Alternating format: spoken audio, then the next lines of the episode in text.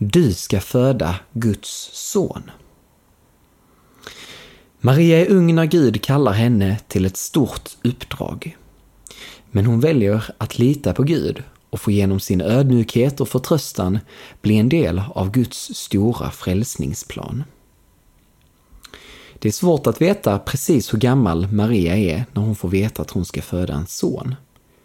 Den son som genom sitt liv och sin död ska öppna vägen till Gud.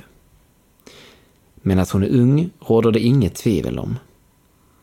Kanske är det som nybliven tonåring hon blir trolovad med en betydligt äldre Josef. Kanske är hon så ung som 12, kanske är hon närmare 16 när hon tar emot budskapet att hon ska bli mamma. Att hon är ung är dock inte något som hindrar henne från att lita på Gud. Det verkar snarare vara tvärtom. Maria med sin ungdom, sin ödmjukhet och sitt mod en förebild för alla dem som också vill lyssna till Guds röst och följa Jesus. Besked till Sakarias. Av evangelisterna är Lukas den som skriver mest om vad som händer innan Jesus föds. Och händelserna tar sin början med att Herrens ängel kommer med bud om ett barns födelse. Nu kanske vi väntar oss att det ska handla om Jesus och Maria. Men nej.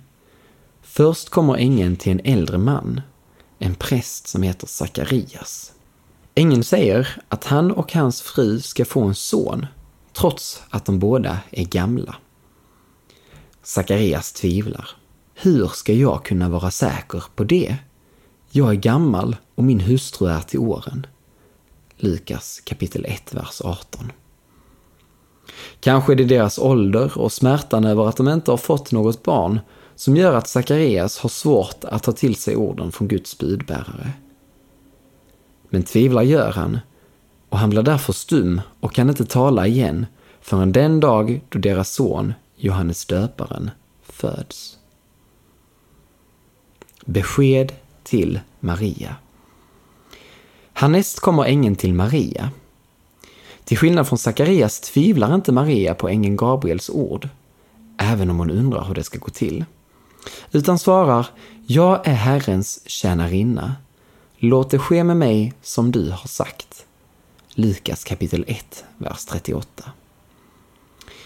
I Lukas evangeliet står den unga flickan Maria och den åldrande prästen Sakarias med varsitt budskap om en sons födelse.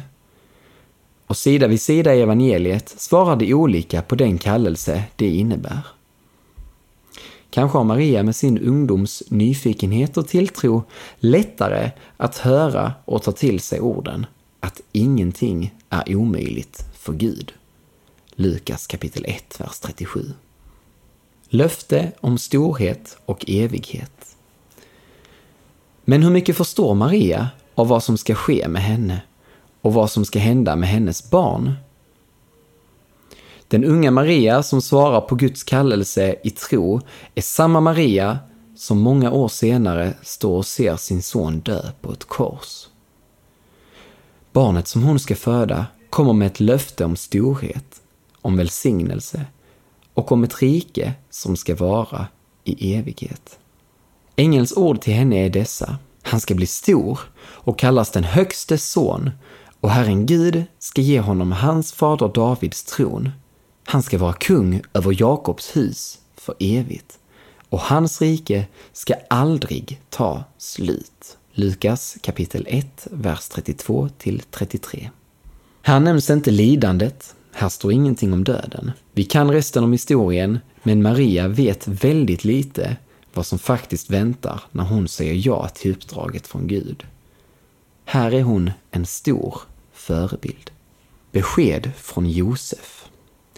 Att bli gravid som ung är inte något skamligt eller konstigt under Marias levnadstid. Men faktumet att det inte är Josefs barn hon bär på förknippas troligtvis med skam och kanske utgör det till och med en fara för Maria. Vi kan ana detta i Matteus evangeliets skildring av tiden före Jesus födelse. Innan de hade varit tillsammans visade det sig att hon var havande genom den helige Ande. Hennes man Josef var rättfärdig och ville inte dra skam över henne och därför beslöt han sig att skilja sig från henne i hemlighet. Matteus evangeliet kapitel 1, vers 18-19. Att de två är trolovade innebär att de har ingått ett löfte om äktenskap. De bor antagligen inte tillsammans utan Maria bor fortfarande hos sina föräldrar. Att i den situationen bli gravid kan innebära att omvärldens dom över Maria blir hård. Hon kan straffas för äktenskapsbrott och i värsta fall stenas till döds. Se femte Mosebok kapitel 22, vers 23 28. Att Josef vill skilja sig från Maria utan att någon får reda på det är av omsorg om henne. Det är det brutna äktenskapslöftet som kan straffas. Men om hon skiljs från Josef och är ensam kan hon inte straffas lika hårt. Tillsammans trots allt. Det blir dock ingen skilsmässa.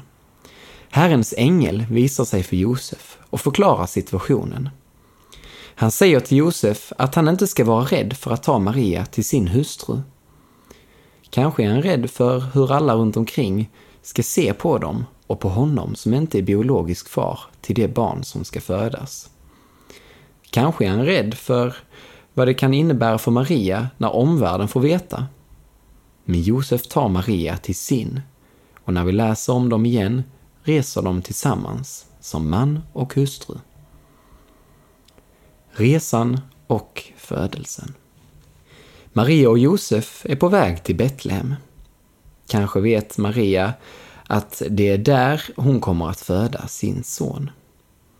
Kanske känner hon till profeten Mikas ord om att det är just där det ska födas en Israels härskare. Se Mika kapitel 5, vers 2 och Matteus evangeliet kapitel 2, vers 6.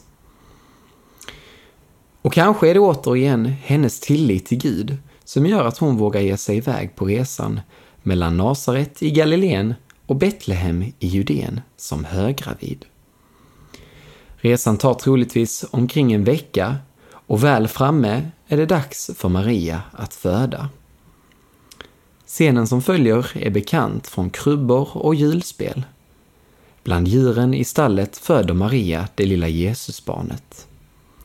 Hon lindar honom och lägger honom i en krubba där djuren har sin mat. Änglarna på himlen sjunger för herdarna på ängen.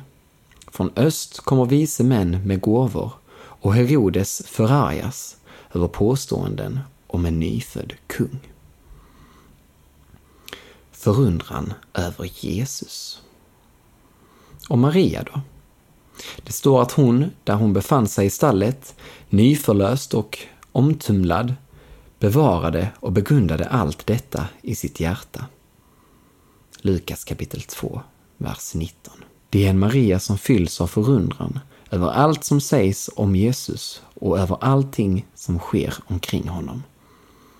Och här blir kontrasten mellan det lilla Jesusbarnet som föds i ett stall och alla de stora ord som sägs om honom mest tydlig. Det lilla, ömtåliga, värnlösa barnet hyllas som en kung. En stjärna tänds och han prisas av änglaskaror på himlen. Vi kallar det inkarnationen, att Gud föds som människa. Oro och rädsla inför framtiden. Under tiden som följer fortsätter Maria att förundras. När hon och Josef 40 dagar efter sonens födelse ska ta sig till templet i Jerusalem får de återigen höra ord som hyllar och upphöjer det lilla barnet. Men kanske är det första gången som Maria också får höra om det lidande som väntar. Simeon är en man som välsignar den lilla familjen som har kommit till templet. Han vänder sig direkt till Maria och säger Se, han har satt till fall och upprättelse för många i Israel och till att vara ett tecken som väcker motstånd. Också genom din själ ska det gå ett svärd. Så ska många hjärtans tankar uppenbaras. Lukas evangeliet kapitel 2, vers 34 till 35.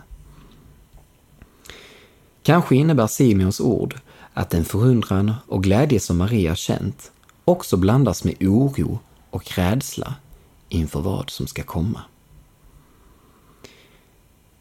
En förebild för oss. Maria är ung, men tvivlar inte på Guds förmåga att göra det omöjliga. I en tid när omvärlden kan tyckas hård och dömande väljer hon att lita på Gud.